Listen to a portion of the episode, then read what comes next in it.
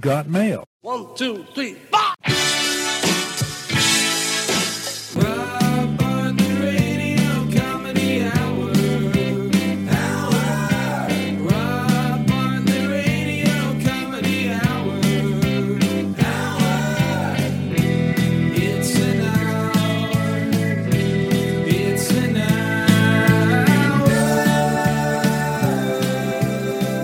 Welcome, everybody, to the Rob Bartlett Radio Comedy Hour. I am Rob Bartlett. This is my Radio Comedy Hour. Tonight's program, a very special You've Got Mail episode. I read emails from you, our many loyal followers out there, answer questions, give you my opinions, my comments, because after all, it is all about me. I want to remind you this Thursday night, 10 p.m. Eastern Standard Time, CBS. I know it's the 4th of July. I know you're going to be at a barbecue. I know you're going to be watching fireworks, but set your DVRs. And if not, you can watch on CBS.com streaming on Friday the final episode of the Robbio as Captain Dwyer on Elementary. The Captain Dwyer arc draws to a close in a very interesting manner. It's it's a, it's the best episode of all the ones that I shot, and uh, I urge you to check it out. And of course, this Friday, the final Elementary Watch Along, where you sync up the episode on CBS.com and we stream it together, and I provide you a running commentary, just like those special edition DVDs. Well, let's get going. Those of you, you want to get a hold of us, you want to send uh, an email, it's Robbio Radio Comedy Hour at gmail.com. You've got mail. Our first email comes from my mate Ian from Liverpool. Ian is a, uh, a tour guide, a Beatle tour guide in Liverpool, and he has the Beatles Mad Day Out tour. He has an actual replica, an actual replica of John Lennon's psychedelic Rolls Royce, painted exactly the same way. You can't miss it. It's out of all the Beatle tours in Liverpool, it's absolutely the only one you should take. He is an encyclopedia of Beatle knowledge, takes you to all the really inside places. It's not some bullshit tour, it's the real deal. It's Beatles Mad Day Out. You can check it out on TripAdvisor. It's got a Facebook page. Anyway, he writes Have you seen the film yesterday? What did you think? Yes, I did see yesterday. Yesterday. In other words, I saw the movie yesterday. Yesterday. Not today, as it, but you get it uh, it was actually pretty good. I, I was afraid that all the good scenes were going to be in the trailer. Some of them were, but there were also scenes in the trailer that weren't in the movie, and I hate that shit. But it really wasn't enough to bother me all that much. Everybody in it is really great. Uh, Lily James is tremendous. She plays the manager slash love interest. Kate McKinnon plays the uh, the agent. She's phenomenal. There's a guy I forget his name. He plays kind of like the sidekick to uh, Himesh Patel, who plays the the lead guy. You know, the the story is basically there's a, a global blackout for I don't know 15 seconds, and this struggling musician who's about to give it up winds up getting hit by a bus in the darkness, and he wakes up in a world where there are no Beatles, and he kind of gets the idea that he's going to start passing off the Beatles songs as his own, and he climbs the stardom ladder fame and fortune are his. I mean, there's a couple of things that you can like t- take umbrage with, like for instance, you know, they mentioned Bowie and the Rolling Stones, and and they're still there, but neither of them would have been there without the Beatles. I mean, it's just kind of, you know, but it was a fantasy. You have to kind of go with it. And what's interesting is there's also no cigarettes, uh, no Harry Potter, and no Coca Cola in the world without Beatles either. I don't know how those all fit, but uh, those are the things that are the same. But you can't go wrong with that music, and it just it's a testament to how great that music is. And even if you're not a Beatle fan, you like it. It's a it's a rom com. Uh, it's a very sweet romantic movie with a lot of great music, and um, it's worth two hours of your time. It really is with all the shit that's out there. So I would recommend it highly. You've got mail. Uh, uh, Tony from Brooklyn. This next James Bond movie is supposedly Daniel Craig's last. Who do you think should replace him? Well, first of all, in the world of James Bond, in mid August this year, Sotheby's is going to be auctioning off the original Goldfinger Aston Martin DB5, one of the great film cars of all time. They expect it to bring in upwards of six million dollars. I was looking online what the top 10 James Bond movies were. Interesting list. Uh, number 10, You Only Live Twice, which was Sean Connery's last, really, if you don't count Never Say Never Again, and you should never count Never Say Never Again. Number 9 was Octopussy, Roger Moore, who is really just, I don't know, he should have never been James Bond. Never been James Bond. Patrick McGoohan, the guy who was secret agent on the old Secret Agent TV show, he should have been James Bond. He would have made a great James Bond. Number eight, Thunderball, Sean Connery. Number seven, Goldeneye, Pierce Brosnan. The only Pierce Brosnan one to make the list. Number six, Moonraker. Another George, Roger Moore. That was, that was one of the better Roger Moore ones. It was kind of in the vein. That's when Star Wars was really big, so they decided they had to do their own Star Wars James Bond movie. Number five, Doctor No, the first James Bond movie ever. Number four, Daniel Craig, Casino Royale. Really a great choice to pick up the Bond mantle, I have to say. And he's also number three, Skyfall. I would have thought Spectre would have been in there a little higher. That was a great James Bond movie. Uh, number two, From Russia with Love. And of course, number one, Goldfinger.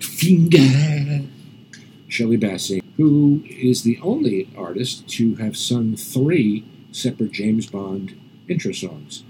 Goldfinger, Diamonds Are Forever, and Moonraker. In a list of people's favorite James Bonds, Pierce Brosnan only got 12.3%, Timothy Dalton 2.9%, Roger Moore 17.6%, Daniel Craig 26.6%, and of course, Sean Connery, the man, the once in future James Bond, number one at 38%. Now, who would be the next James Bond? I would have to say, you know, I know there's Idris Elba was kind of thrown around. Clive Owen, I think, would have made a great James Bond, and maybe you know he he would be in the running moving forward. But if I had my choice, if, if there was, I think one of the people who would be the perfect James Bond, it would have to be Gilbert Gottfried. My name is Bond, James Bond. I'll take a vodka martini, shaken, not stirred. You've got mail. This uh, email from Brandon from Milwaukee, Wisconsin.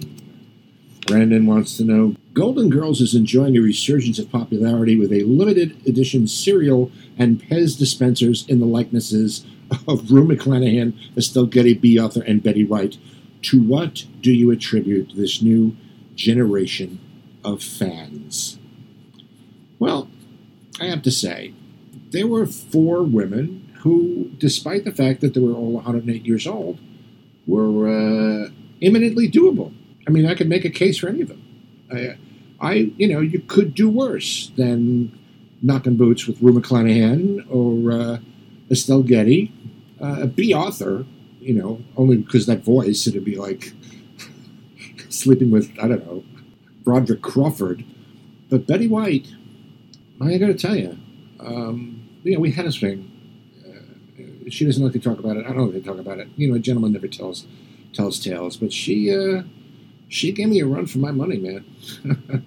I mean, that woman, whew, unbelievable. You know, her first autobiography was written in cuneiform. Her fifth grade science fair project was the sundial. George Washington went to Betty White University. Her first pair of depends were made of papyrus. A mortician passed her on the street, got on his cell phone, and said, We have a runner. But of course, her first vibrator had a hand crank. You've got mail. This one comes from Jesse. Jesse hails from Shawnee Mission, Kansas. Jesse asks, Do you think Joey Chestnut will win Nathan's July 4th hot dog eating contest? It all depends. There, uh, there's a guy who's probably going to be competition for him, uh, Jeff Esper. Uh, he was from Islip. He won the Long Island Ducks hot dog eating contest this past May, so it put him in. It qualified him for the Coney Island event. Um, you know, Chestnut really hasn't had a great competitor since Kobayashi. I mean, you know, uh, Matt Stonie, the guy they call Megatoad, he he won in 2015. He kind of upset Joey Chestnut's reign. Um, last year, Joey ate 74 hot dogs in 10 minutes. 74 hot dogs in 10 minutes. Now, before tax, 74 Nathan's hot dogs cost $295.26.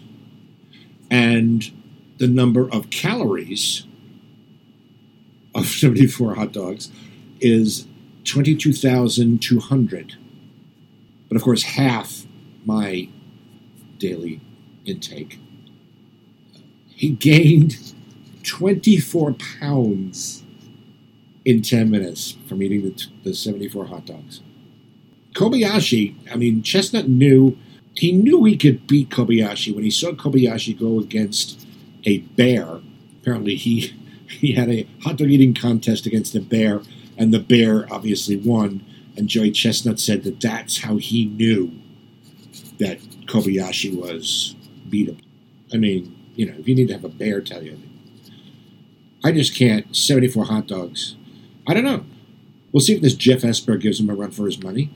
Matt Stonie, Megatoad, you know, he may uh, he may be an outsider. We'll see. We'll, we'll see if Joey Chestnut can can step up to the plate. There's a 30 for 30 on ESPN about the hot dog eating contest and Joey Chestnut and Kobayashi and their rivalry.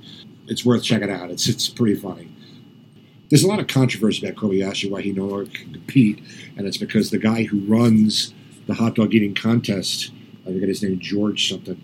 He runs the Major League Eating, you know, Major League Professional Eating League, I guess, and he's banned. Kobayashi's banned from their events because Kobayashi, I guess, tried to, know, protest and jump on stage during one of the competitions, and so he's been disqualified. He's banned.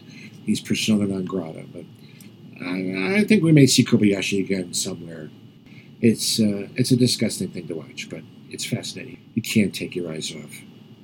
All right, the last uh, question we get today comes from uh, Bob in Bronxville. Bob wants to know Baz Luhrmann is directing an Elvis biopic.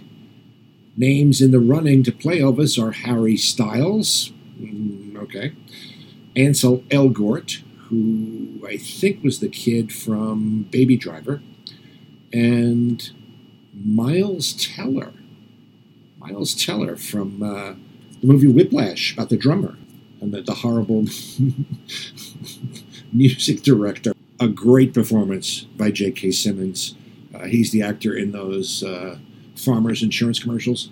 He plays this maniacal, evil music director in the music conservatory. Just is just awful. But it's it's a great, great movie. Miles Teller was in that. He's up for the running uh, for Elvis. But uh, if I had a choice of who should play Elvis, if I had a choice of who I thought should play Elvis, I would have to say um, Gilbert Gottfried. Well, it's one for the money, two for the show, three to get ready. Now go, man, go. Don't you step on my blue suede shoes. Well, that about does it for this edition of the Rob Bartlett Radio Comedy Hour.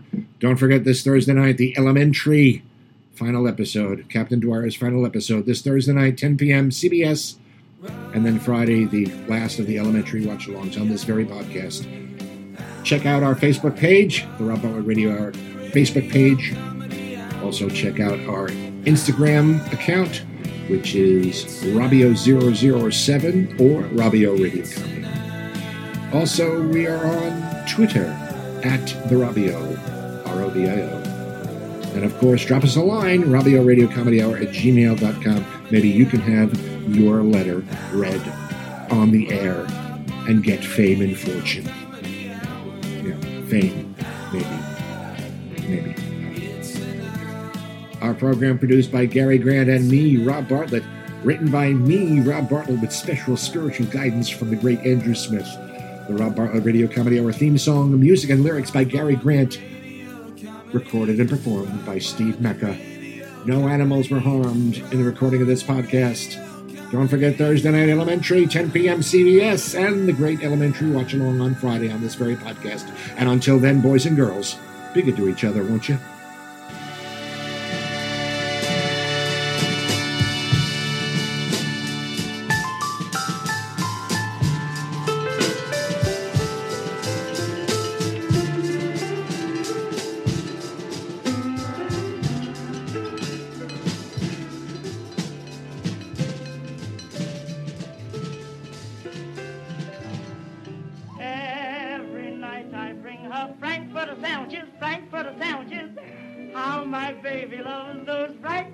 Sandwiches, Frankfurter sandwiches.